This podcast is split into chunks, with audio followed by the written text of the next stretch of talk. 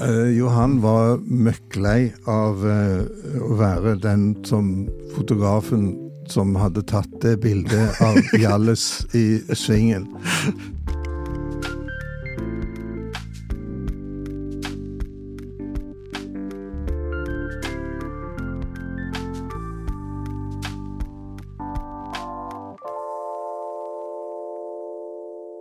Hei, velkommen til en ny episode av Fotopodden.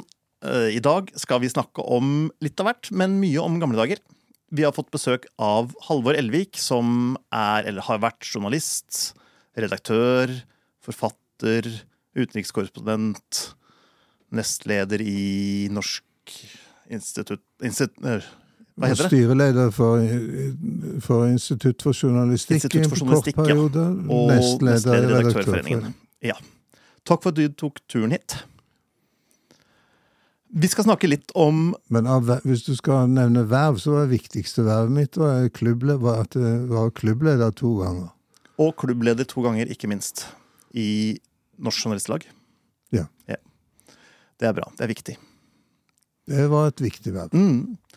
I dag skal vi snakke litt om hvordan utviklingen har vært for eh, journalister, og ikke minst pressefotografer, siden du begynte i, på 60-tallet og fram til i dag. Hva som har skjedd med foto, hva har skjedd med jobben osv. Men vi skal også snakke litt om Johan Brun.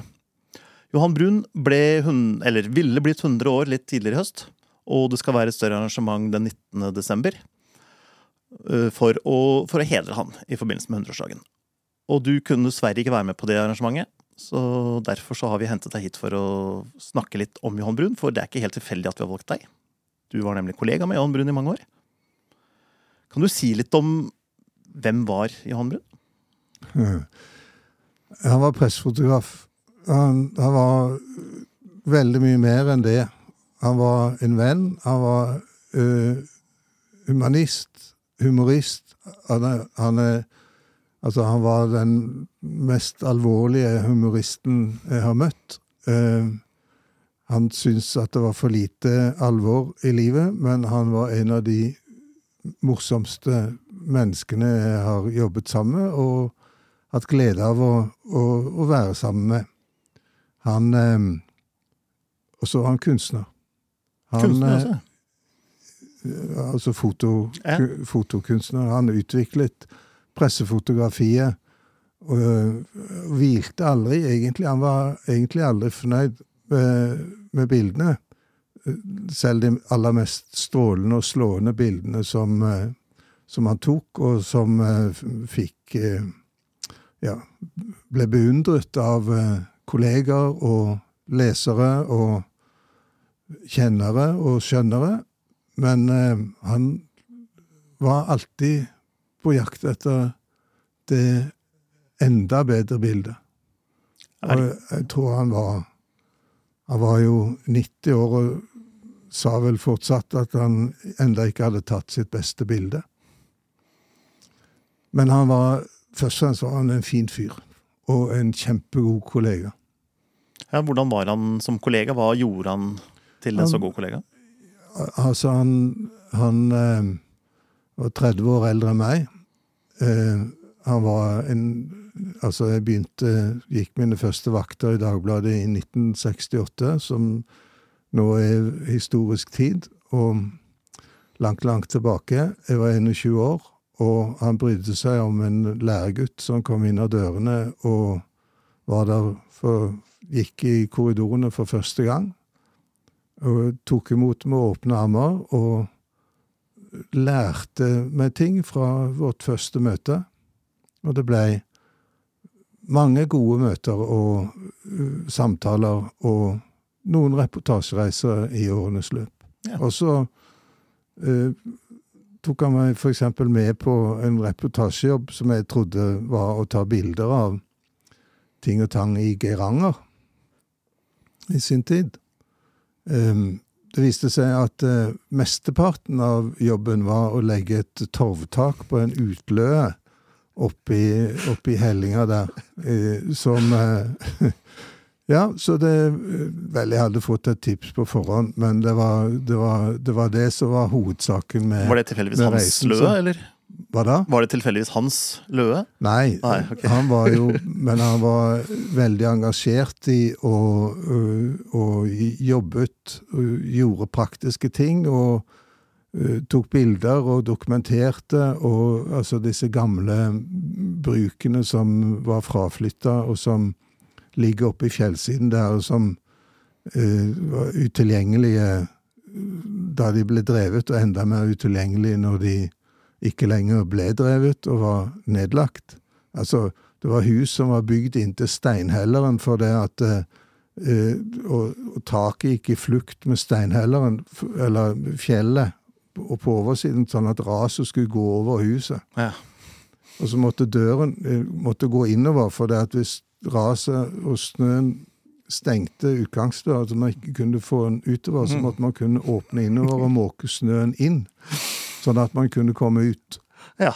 Ja. Det var, det var sånn de levde der, med fjøs i den ene siden, boligavdelingen i huset øh, på midten, og, og, øh, altså, og låven i den andre enden. Så man kunne bære fôret gjennom boligavdelingen og inn til, inn til dyra, slapp å gå ut hvis det var eh, dårlig vær. ja. Eller det hadde gått til ras. Mm. Men dette var jo han veldig engasjert i, og, og det var en av de turene jeg lærte veldig mye om ø, å være ø, journalist og fotograf og menneske og drive i jord under vanskelige forhold.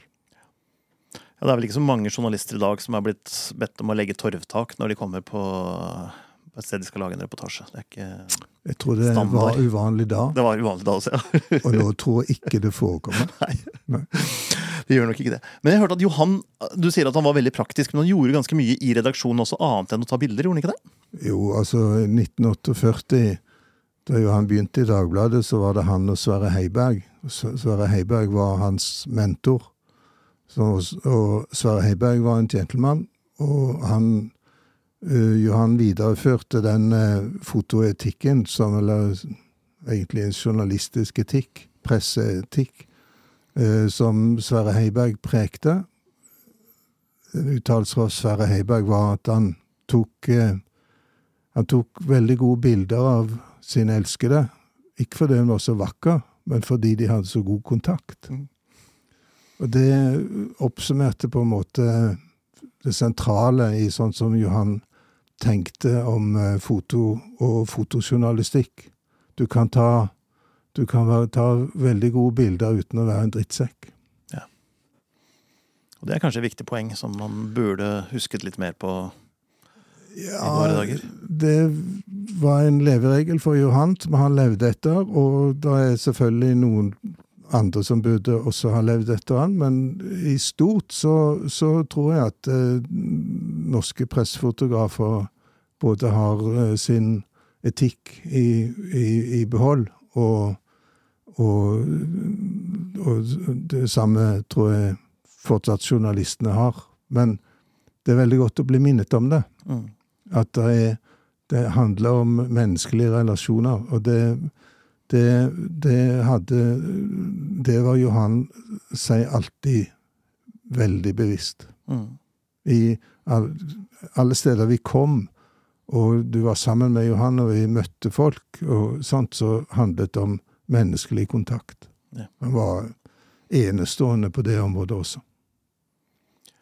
Jeg hører av og til at han var en veldig beskjeden mann, og så hører jeg noen ganger at av og til så egentlig var han ikke så veldig beskjeden. Var dette her en eh, påtatt beskjedenhet han hadde, eller var Det det ingenting påtatt med Johan Brun. Nei.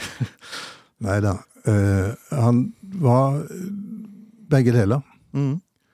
Han var beskjeden, men han var jo veldig ambisiøs på jobben sine vegne. Han skulle ta de gode bildene. Det skulle bli gode jobber. Gode eh, ting i avisa. Og han kunne, altså, han kunne gjøre veldig mange ting for å skaffe det beste bildet.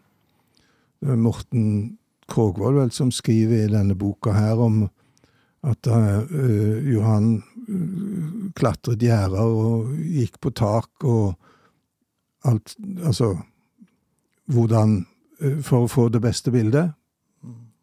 Fysisk eh, Han rygget ikke tilbake for noen fysiske anstrengelser for å skaffe den beste vinkelen. Eh, Men for Og og jeg tror det er Erik Berglund, som en kjent Aftenposten-fotograf, veldig god, han også, eh, som sa at når han var på jobber og Johan Brun forsvant, så ble han veldig nervøs. Fordi da lurte han på hvor Johan var, og hvilket bilde han hadde sett Ja, at han skulle ta. Det, det er en god fortelling om hvordan Johan tenkte når det gjaldt, eh, når det gjaldt bilder. Mm. Hvilken posisjon hadde han i norsk eh, pressefoto var, da han var aktiv? Var han liksom Han var nestor. Han var nestor, Ja. Han alle straks seg etter? Nei, ja, eh, det henger også litt sammen med alder. For at uh, i starten så var jo han ung. Mm. Som De fleste det starten. fleste, det er Ja. før de ble gamle. Så han Og da Han var jo en vakker mann. Og, og ble beundret også for det.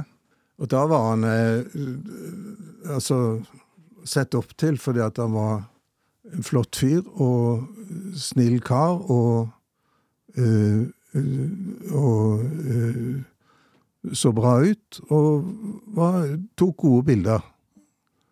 Eh, gradvis, altså etter hvert som han ble eldre, så ble han en, mer og mer av en nestor som eh, yngre fotografer så opp til. Mm. Og som han em, Altså, han var jo en av de Antagelig den aller mest sjenerøse i, i faget. Noen eller noen fagfolk er jo sånn at de, de vil ha sine egne ting. Mm. Som de holder for seg sjæl. Mm. Jo, han delte. Han visste Altså, med dagens kamerautstyr som, og, som er datamaskiner som fikser alt mulig, ikke sant? Den gangen så øh, drev de med, med store platekameraer og blitser som spredde glass utover alle de som øh, Ja, han blant annet spredde han jo glass utover kong Haakon i Auland en gang.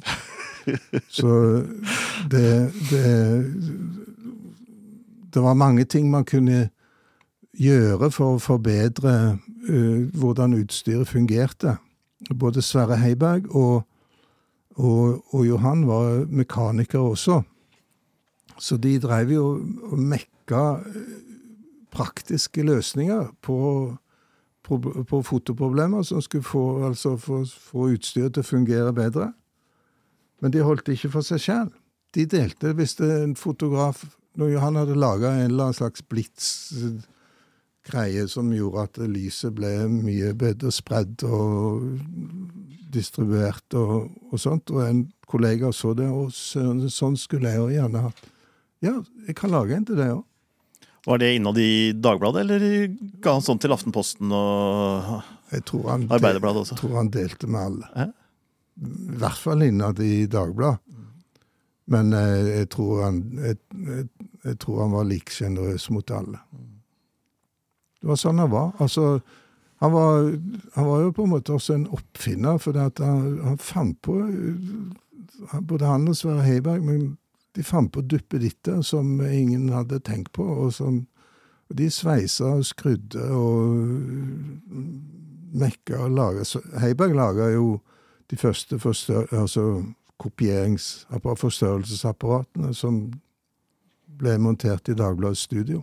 Ja. Så i, da jeg kom inn i fotoavdeling, så var jo det lenge etter 19... Altså var, det var jo fra 48 til 68, ikke sant? Det var jo 20 år. Men da fantes det masse sånne duppeditter som jeg lurte på hva, er dette? Ja, Johan Brun har laga det, Sverre Heiberg har laga det. Sånn var det. Det var et mekanisk verksted òg. Det er ikke så lett å gjøre det i dag, kanskje. Nei, det er litt andre Det er jo Utstyret er jo vanvittig mye bedre, selvfølgelig. Og det er ikke lenger uh, sølv Sølvfilmer og sånt vi holder på med. Der Nei. er det jo én og null. Mm, det er jo stort sett det det går i. Ja. Har du noen ord du vil si til de som er med på dette 100-årsmarkeringa for, eh, for Johan? Eh, han var Ja, det kan jeg godt prøve på. Han eh, Johan var en mann det var lett å bli glad i som kollega, som venn. Han var en strålende, uh, strålende fotograf. Men han var et strålende menneske. Og uh, den mest alvorlige humoristen som, som gikk på to bein. Han var en seriøs person i livet som i yrket. Og han hadde den aller høyeste presseetikken og fotojournalistikketikken.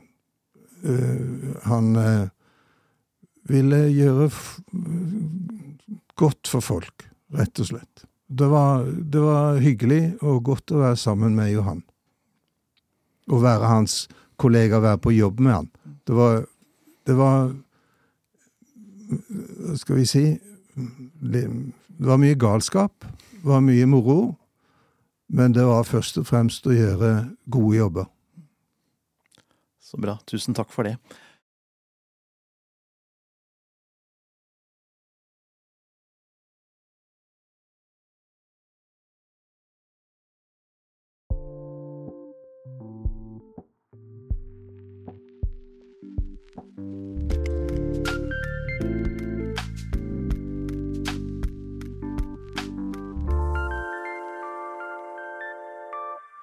Da kan vi jo gå over på neste tema, som er Vi har jo snakket litt om det allerede, utviklingen innen pressefotografi. Du har nevnt så vidt uh, utstyr, hvor krevende utstyret var.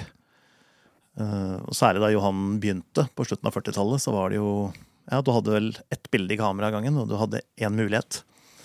Og, og knapt nok det. Og knapt nok det, ja. Det var ikke noe sånn 30 bilder i sekundet og, Nei, det skal og ting. Hvordan, det, Dette var jo før din tid også, men det berømte situasjonen på, på Bislett da, da Hjallis falt. Da hadde han altså et kamera, og så hadde han satt opp en blits. Og så hadde han ett bilde. To, tror jeg. To blitser, til og med. Ja. Og ett bilde. Eller hadde han mange kameraer, så han kunne liksom skifte hvis det skjedde noe før han uh, Johan var møkklei av uh, å være den som fotografen som hadde tatt det bildet av Hjalles i svingen.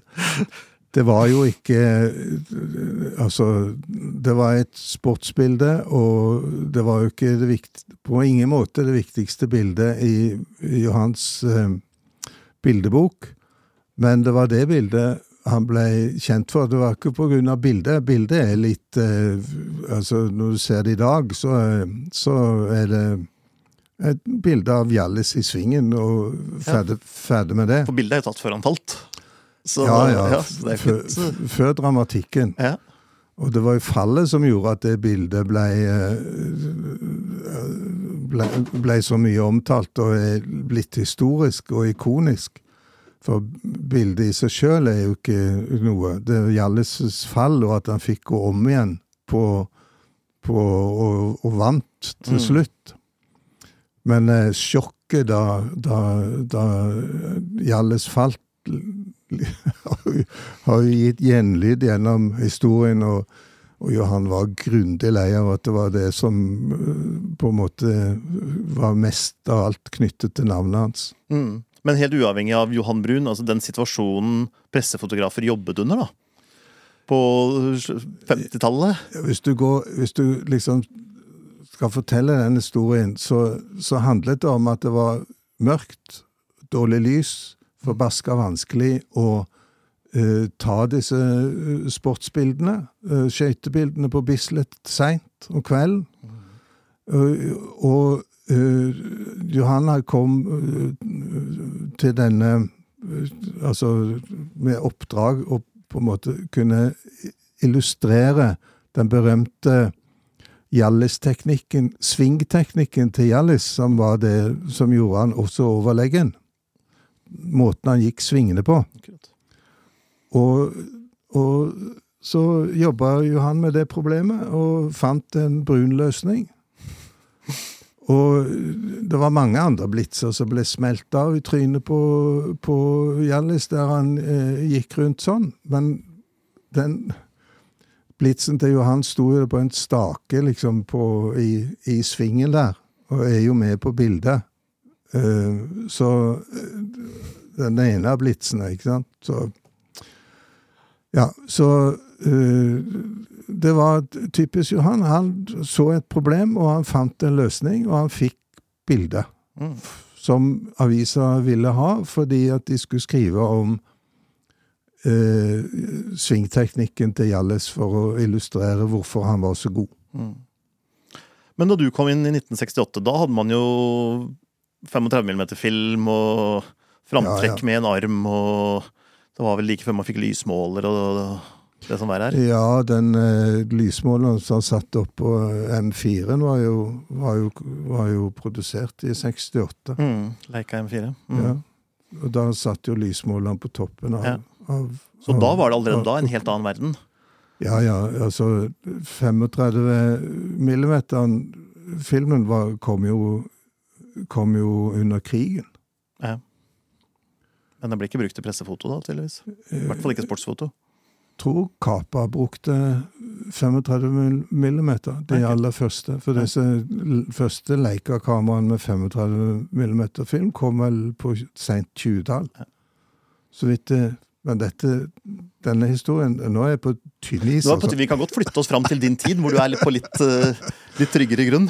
Ja, men uh, det var jo fortsatt sånn at uh, de altså sto for seks ganger seks-kamera mm. som, som, ble brukt uh, veldig mye fortsatt da, var jo rollefleksen. Men mm. Hasselbladen var jo akkurat på vei innenfor å overta liksom, det formatet.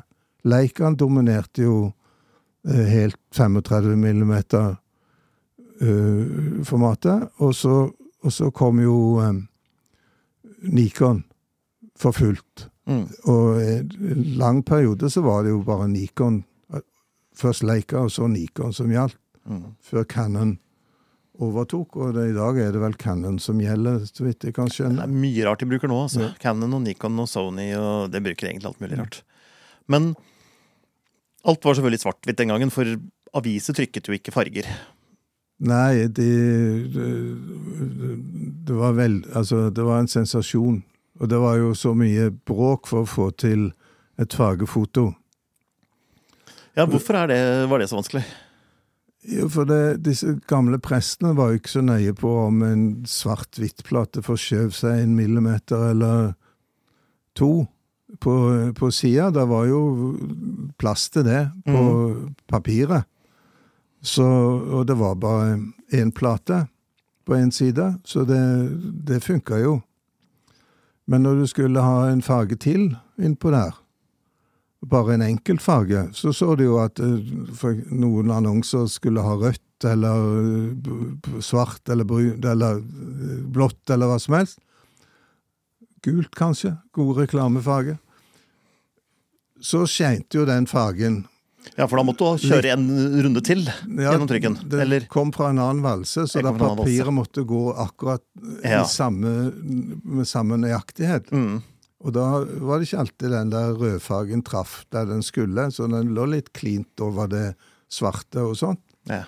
Og når du da fikk et fargefotografi som du skulle ha flere plater, så måtte jo det papiret gå nøyaktig gjennom over flere valser. For da var det fire valser?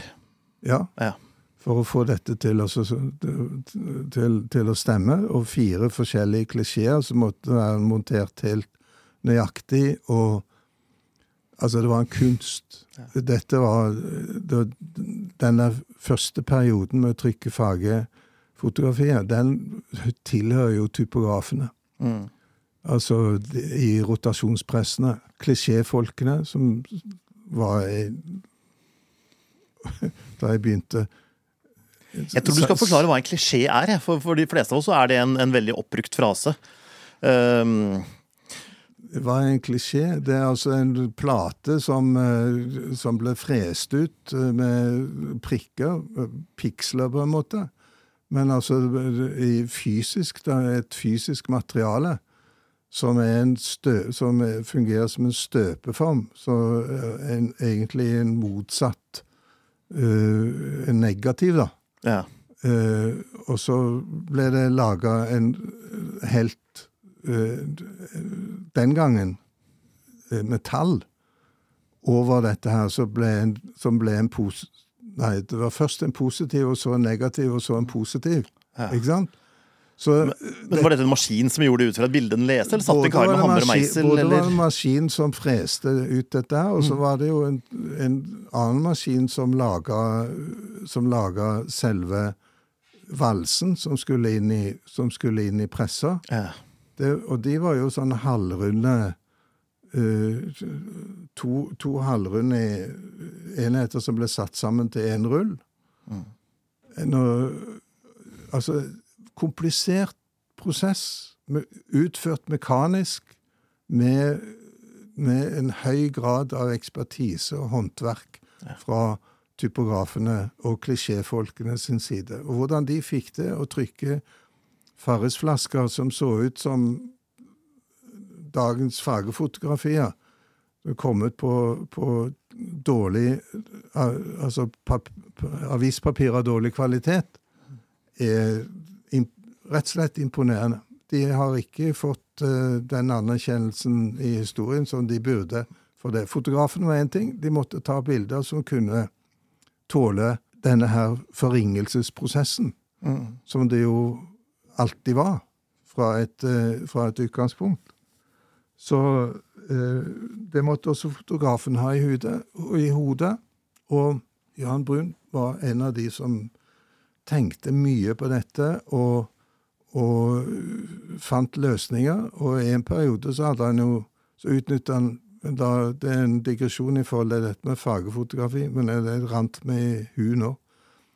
Eh, han hadde jo en sånn svart-hvitt-periode hvor han eksperimenterte med veldig sterke kontraster, hvor det var nesten bare helt hvite og helt svarte flater i bildene. Og et par av de bildene er jo står i boka her og er, er blitt eh, veldig kjente eh, saueflokker som bare er noen hvite buer på en stor, svart flate, men du skjønner hvordan Du skjønner hva, hva det bildet viser, selv om det er bare to helt ko- ko- De mest kontrastfylte fargene du kan. Egentlig en ikke-farge og en totalfage. Ja, ikke sant?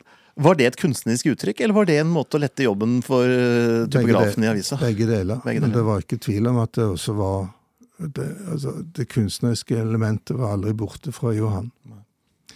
Nei, men eh, etter hvert Dette førte jo til først eh, at disse typografene fikk til dette på de gamle pressene, med masse mekking og egentlig mekaniske og faglige kunststykker. Den neste fasen var jo at eh, de rike avisene investerte i nye presser. Eh, der bomma Dagbladet og investerte i en gammel presse som eh, egentlig Aftenposten gikk bort ifra. For da fikk du disse offset-pressene som var en helt annen teknikk. Og tålte mye bedre fotogjengivelser og sånne ting. Og etter det var jo kjempeinvesteringer, ikke sant? Å in investere i en helt ny presse var Ja, det kosta skjorta. Når snakker vi om Ja, De, de historiske tallene det, det, det Sånn som jeg tenker på det, så skjedde det meste mellom, i overgangen mellom 70-tall og 80-tall. Det var da allting skjedde. Veldig mye.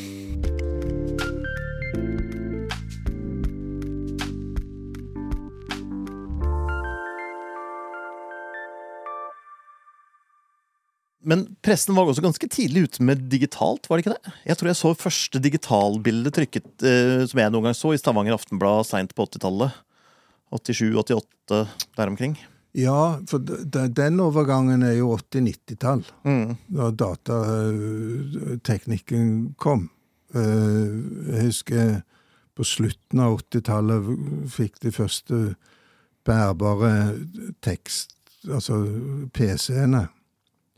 Men eh, den første telefoto, altså enheten, som vi i Dagbladet hadde, i hvert fall, den var en svær koffert som veide ti kilo.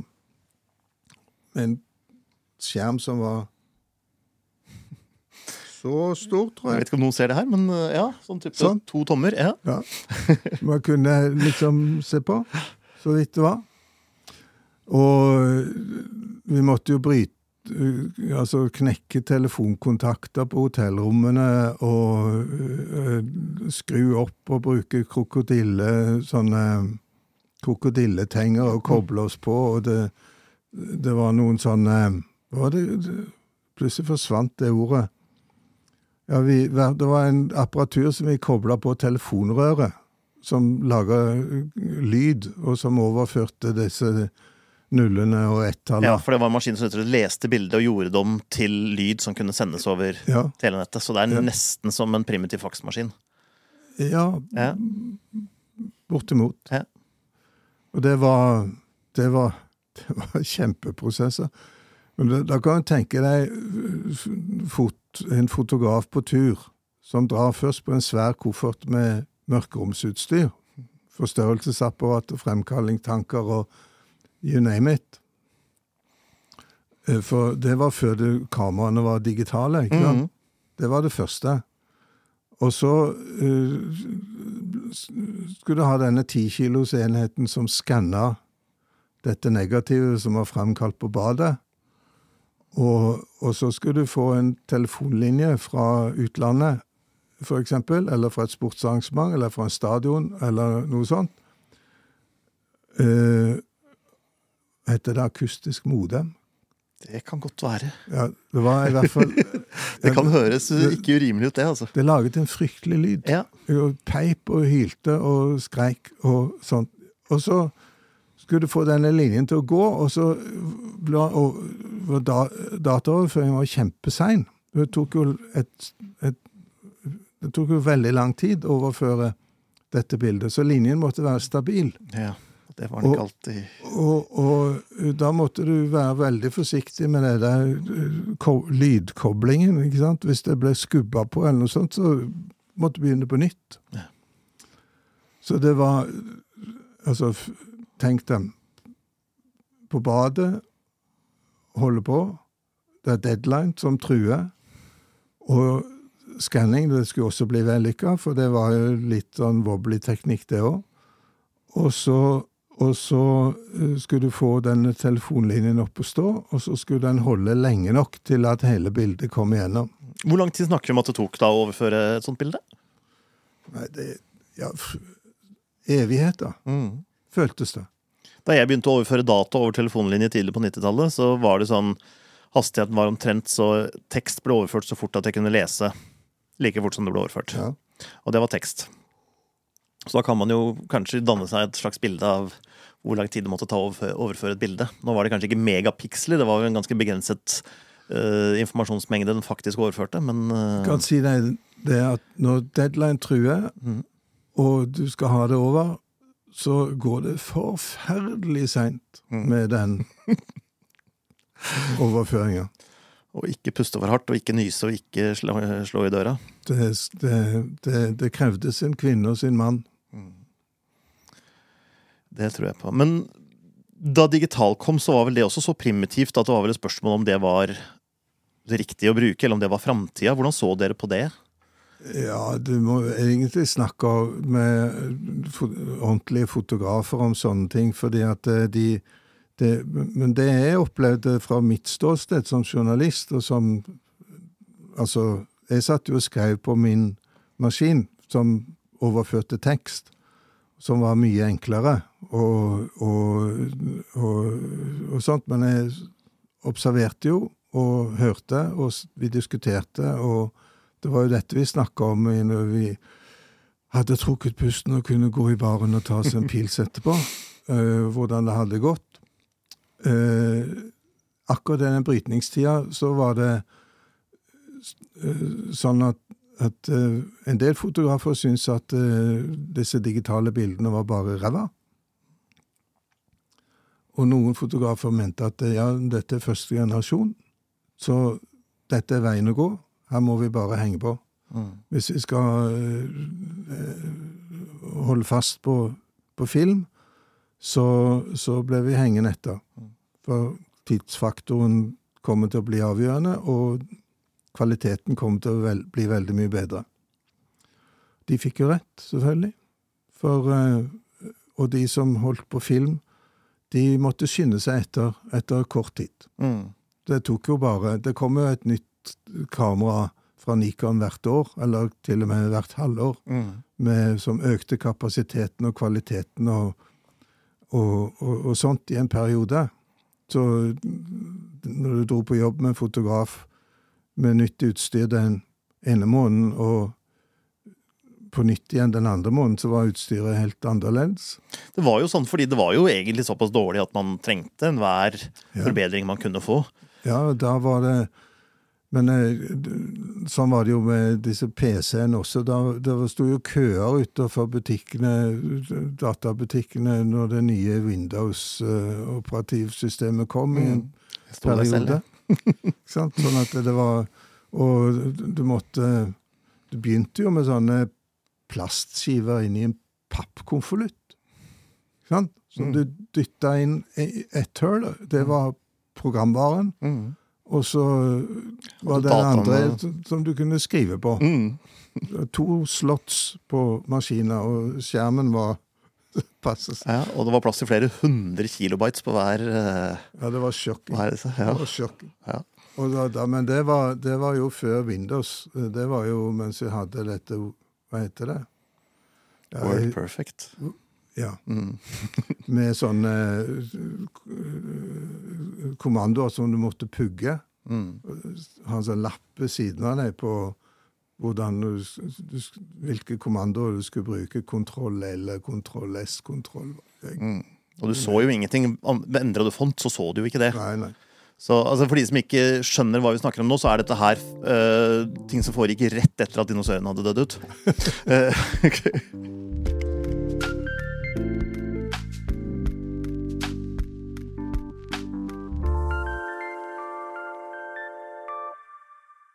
Nå er jo aviser i veldig stor grad digitale. De er på nett. Det er oppdateringer ca. hvert tredje minutt. Ja, men vi, eh, vi er jo i de siste, de siste timer for papiravisen, antagelig. Mm. Men du var jo eh, Du var vel utenrikskorrespondent i USA fram til 2010? Nei, jeg hadde tre forskjellige perioder. Jeg hadde treårsperiode fra 96 til 98. Mm. eh, Clinton-perioden. Og så var jeg der etter 9-11 fra 2001 til 2002. Og så dekket det valgkampen der Clinton og Obama slåss i primærvalget, og Obama og McCain sto mot hverandre i the general election. Ja, For da var vi over i nettavis-tida. 2007-2008. Ja, ja. Mm. Da, da, da, det er jo lenge. 95 begynte vi jo med de første uh, Altså, vi la ut en del av papiravisstoffet på, ne, på nettet som nesten ikke var nettet den Mm. gangen. For dette var jo akkurat rundt den tiden du fikk det som i dag tar som en selvfølge, og som var den kanskje den største opp, En av de største oppfinnelsene i verdenshistorien, som heter World Wide Web. Mm. Eh, Da det kom, så ble jo alt annerledes. Mm. Det snudde opp ned på verden, og eh, har vært bestemmende for den verden vi lever i. Den kom akkurat 95-96. Mm. Hvordan var det da å lage og levere reportasjer i 2007-2008 sammenlignet med hvordan det var i 1970? Ja, da var det jo bare å gå inn på nettet og så trykke på en knapp og sende stoffet. Mm. Men var det en veldig annen måte du måtte jobbe på? Jobbet du, Hadde du fortsatt fotograf med deg, eller måtte du ta bildene selv? Hadde du krav om å levere mange saker hver dag, eller hadde du tida til å jobbe med det fortsatt, følte du? Eller? Både òg. Både òg. Det var ulike stories. Feature stories, nyhetsstories, eh, oppdateringshistorier. Mange eh, en helt, En helt annerledes journalistisk hverdag. Men det var fortsatt i begynnelsen på Men dette, dette kom ikke i 95. Sånn, dette begynte for alvor på begynnelsen av 2000-tallet. Mm. Altså rundt et, Da jeg satt i sammen med Anne Turma Nilsen, på, som var korrespondent da flyene traff i World Trade Center. World Trade Center. Så da drev vi og oppdaterte aviser, men vi hadde jo ikke det var jo ikke nettaviser like heftige som de er i dag eh, den gangen. Men i 2007 og 2008-valget så eh, var kravet til oppdateringer uh, mye heftigere. Men da hadde vi også opprettet en egen nettredaksjon, sånn at jeg skrev for det meste for papiravisen, som den dinosauren som jeg da var, og er. Eh, og eh, nettredaksjonen hadde en uh, Avisa sendte også en egen medarbeider som hovedsakelig serva nettet. Ja. Det var noe overlapp, men, men, men, men da Men nettredaksjonen hadde sin egen altså, Så vi var to kolleger som dekket to sider av avisdriften To den sider samme sak? Ja, men altså, ikke sant Nå, nå Da var det fortsatt sånn at det var, det var en egen nettredaksjon og en egen, egen papiravisredaksjon. Mm. Noe av problemet for Dagbladet den gangen var at vi konkurrerte jo også innad. Og det var, det var dumt. Men eh, vi som jobbet sammen i USA, vi jobbet godt sammen og var kollegaer. Eh, nå er det jo sånn at nettredaksjon Altså alt er egentlig én redaksjon. Og veldig mye av stoffet som kommer i papiraviser, har jo først vært publisert, pub- publisert på, på, i nettavisen. Mm. Så det er snudd rundt. Det er derfor jeg sier at vi lever i de siste timer for, for papiravisene. Mm. Det ser sånn ut. Jeg tror vi skal begynne å runde av, men det er jo ett spørsmål jeg har veldig lyst til å stille deg. Det er kanskje litt, eh, litt på siden, men eh, hva tenker du når du åpner eh, Dagbladet på nett i disse dager? Hvis du ser på Ja, var hva de fokuserer på, hva de skriver om, sammenlignet med den mannsalderen du har lagt inn der. Jeg er ikke den som skal drive og, og, og kommentere aviser. Jeg er veldig glad i de folkene som jobber der. Jeg er fortsatt veldig glad i aviser. Og syns at eh, og de vinner priser, og de gjør eh, gode, avslørende jobber. Og er, på enkelte saker så er de fortsatt eh, nyhetsledende, og er, de gir meg fulle støtte til til mine tidligere kolleger i Dagbladet. Eller de som er kommet etter meg. Ja. Og alle vi andre oldinger Mhm. som ikke lenger jobber i aviser. De, er- de, lever, de lever og jobber i sin tid, Mm. og de, de gjør en god jobb Mm. i sin tid. Dagbladet eh, eh, tjener penger og er trygt økonomisk, og etter det jeg kan skjønne, er fortsatt en god arbeidsplass. Er det noe du har lyst til å legge til på slutten, før vi runder av? God jul. God jul. Tusen takk for at du kom, Halvor. Og takk til dere som så på. Og hørte på.